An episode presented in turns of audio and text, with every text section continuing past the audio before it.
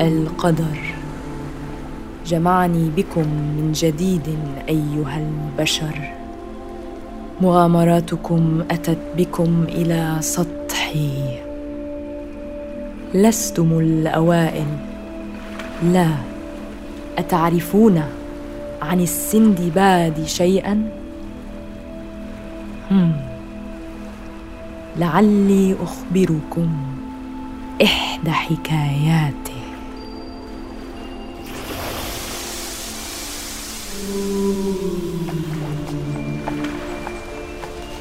إنها ليلة ممطرة جميلة كليلة عودة السندباد إلى بلده العزيز.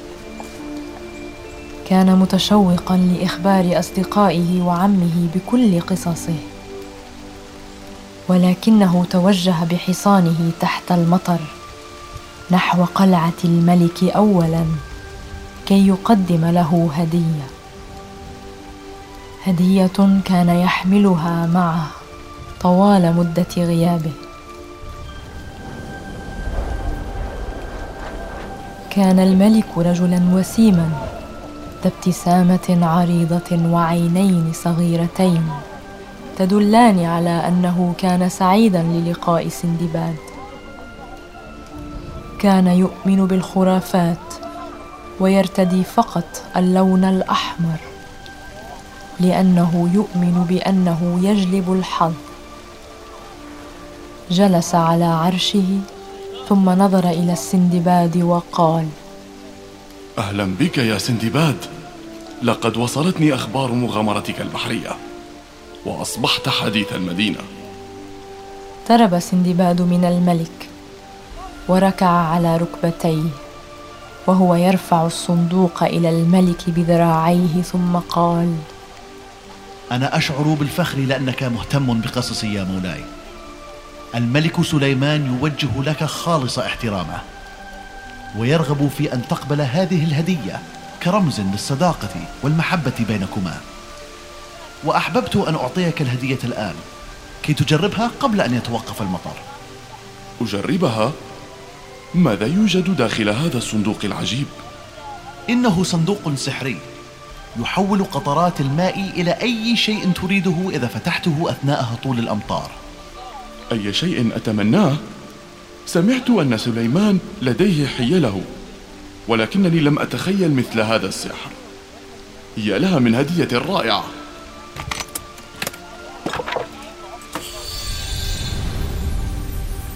سوف أحول قطرات المطر هذه إلى إلى سكر ملون. سوف يفرح الأطفال بهذا العرض يا مولاي. ولكن تأكد من إغلاق الصندوق عندما تكتفي. تحول المطر إلى قطرات صغيرة ملونة من السكر. وغطى كل شيء في الخارج بشكل سحري. إنه يحدث بالفعل. أتعلم؟ أود أن تأخذني في إحدى مغامراتك البحرية. كي أرى بنفسي هذه العجائب. ولكن يا مولاي. أعلم أنك وصلت للتو إلى هنا لكنها ستكون رحلة لا تنسى وسأكون ممتنا لك إلى الأبد. كان سندباد مترددا في الإبحار مع الملك خصوصا أنه كان يحتاج لأخذ قسط من الراحه ولكنه كان يحترم الملك ولم يشأ أن يخذله. أه بأمرك يا مولاي. يسعدني أن أكون في الخدمة. أتطلع إلى هذه الرحلة. عظيم. اذهب إذا الآن وسوف نلتقي بك عند مرسى السفن بعد يومين. أتى موعد الرحيل وبدأ سندباد متحمسا. فهو لم يصعد على متن السفينة الملكية من قبل. وكان سعيدا لقضاء بعض الوقت مع الملك على الرغم من أنه سيفتقد لعمه وأصدقائه. أهلا بك يا بحاري المفضل. أم تفضل أن أناديك يا قبطان؟ سندباد فقط يا مولاي. حسنا اذا. سندباد هل أنت مستعد لهذه الرحلة؟ أريد أن يتحدث الناس لأشهر عن مغامرتنا هذه. طبعا. إنه لشرف كبير أن أسافر معك. أنت رجل مؤدب للغاية يا سندباد. تعال وأرني الخريطة. دعنا نقرر إلى أين سنتجه. كان مستشار الملك ينصت إليهما من خلف أحد أعمدة السفينة ثم ركض نحوهما قائلا. يا مولاي يمكنني أن أختار لك المكان المناسب. دعني أساعدكما. وكيف تفعل ذلك؟ حدق المستشار بسندباد ببرود فلم يكن مسرورا بأسئلته. ولكن الملك رد بدلا عنه قبل أن يتفوه بأي كلمة. المستشار يستطيع أن يتنبأ بالمستقبل وبهذا الشكل يحميني من أن أقع بأي ورطة. أليس كذلك يا مستشاري؟ ابتسم المستشار بشكل متصنع وانحنى للملك باحترام وأخفى حقده متمنيا أن يتخلص من السندباد بأي طريقة.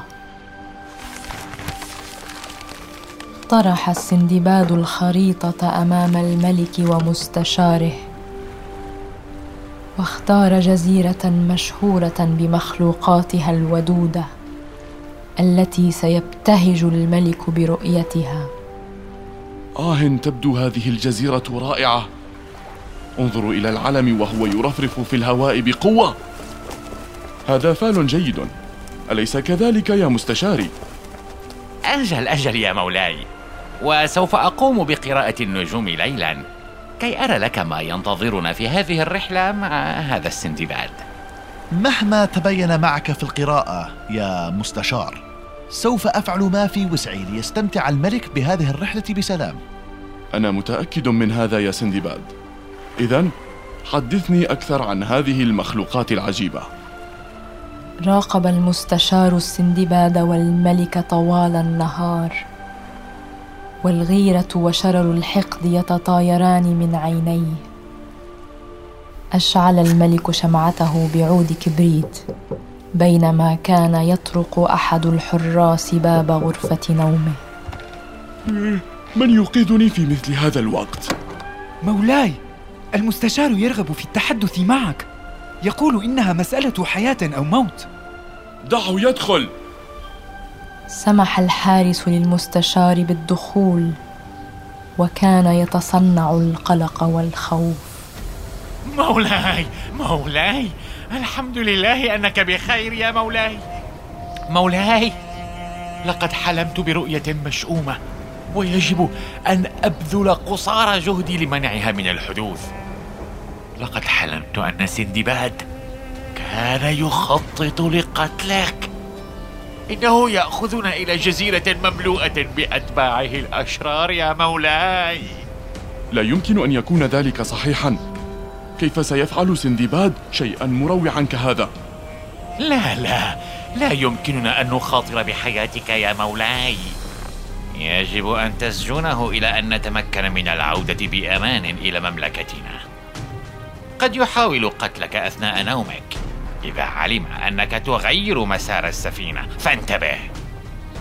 أخفى المستشار ابتسامته الشريرة عندما لاحظ أن الملك صدقه. وركع على الأرض محاولا تقبيل قدمي الملك متظاهرا بالتوسل. لن أستطيع النوم بعد هذا الخبر. اذهب واخبر الحراس فورا. أمرك يا مولاي أمرك طبعا طبعا. أمسك اثنان من الحراس بالسندباد من ذراعيه وألقيا به في زنزانة صغيرة داخل قبو السفينة. ثم أغلق المستشار باب الزنزانه وهو ينظر إلى ارتباك السندباد بكل لذة. آه لم أفعل شيئا. لماذا تعاملونني بهذه الطريقة؟ ألم تسمع آخر التنبؤات؟ ستموت في السجن أيها الخائن. كنت أعلم أنك محتال وكاذب.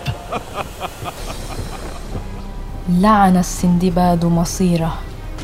الذي لا يزال يضعه في مواقف كهذه. لقد أمضى ليالي من دون طعام أو ماء ولكن أكثر ما جعله يشعر بالألم أنه قد لا يتمتع بالحرية مرة أخرى. كان يعرف مدى إيمان الملك بالخرافات وكان يخشى أن يلفق المستشار كذبة أخرى تودي بحياته. ظل يطارده هذا القلق إلى أن هبت الرياح لتغير مسار مصيره من جديد. لا يمكننا أن نرى أين نحن بسبب هذا المطر الغزير. أحضر لي الصندوق المعدني من غرفتي. يا مولاي! إن الصندوق إحدى حيل السندباد وقد يؤذيك بها. استمرت السفينة في الإبحار بشكل عبثي أثناء العاصفة حتى اصطدمت برأس أخطبوط عملاق اغتاظ غضبا من ألمه. يا إلهي ما هذا المخلوق؟ حاول الأخطبوط الإمساك بالسفينة بذراعيه ثم تمكن من أن يرفعها فوق سطح الماء قليلا. ولكن السفينة انزلقت من قبضته اللزجة وسقطت عائدة إلى الماء.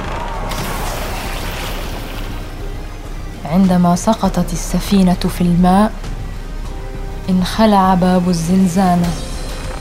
مما سمح لسندباد بالصعود إلى سطح السفينة بسرعة. كيف لم تتنبأ بكارثة كهذه؟ لن أثق بتوقعاتك بعد الآن. نحن على وشك الموت. هل أنت سعيد بهذا التوقع يا سيدي؟ إنه خطأك بالكامل. فلو لم تطلب من ذلك الطفل الفاسد انظر إنه السندباد. لقد خرج من الزنزانة. هل هو قادم لقتلي؟ حراس!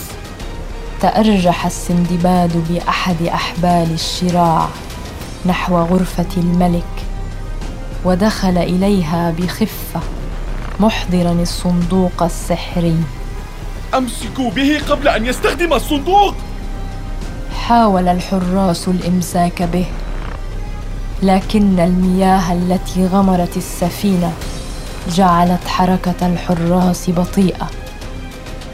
فلف السندباد ساقيه حول أحد أعمدة السفينة. ثم أمسك بالصندوق وحاول فتح غطائه. كف عن الهراء إنه يكذب يا مولاي! دعني أثبت ولائي لك تمسك الجميع بالسفينة والأخطبوط ما زال يحاول أن يحملها. إلى أن تمكن السندباد من فتح غطاء الصندوق. ثم طلب أن يتحول المطر إلى حبات ملح صخري. امطري أيتها السماء بالملح. الملح؟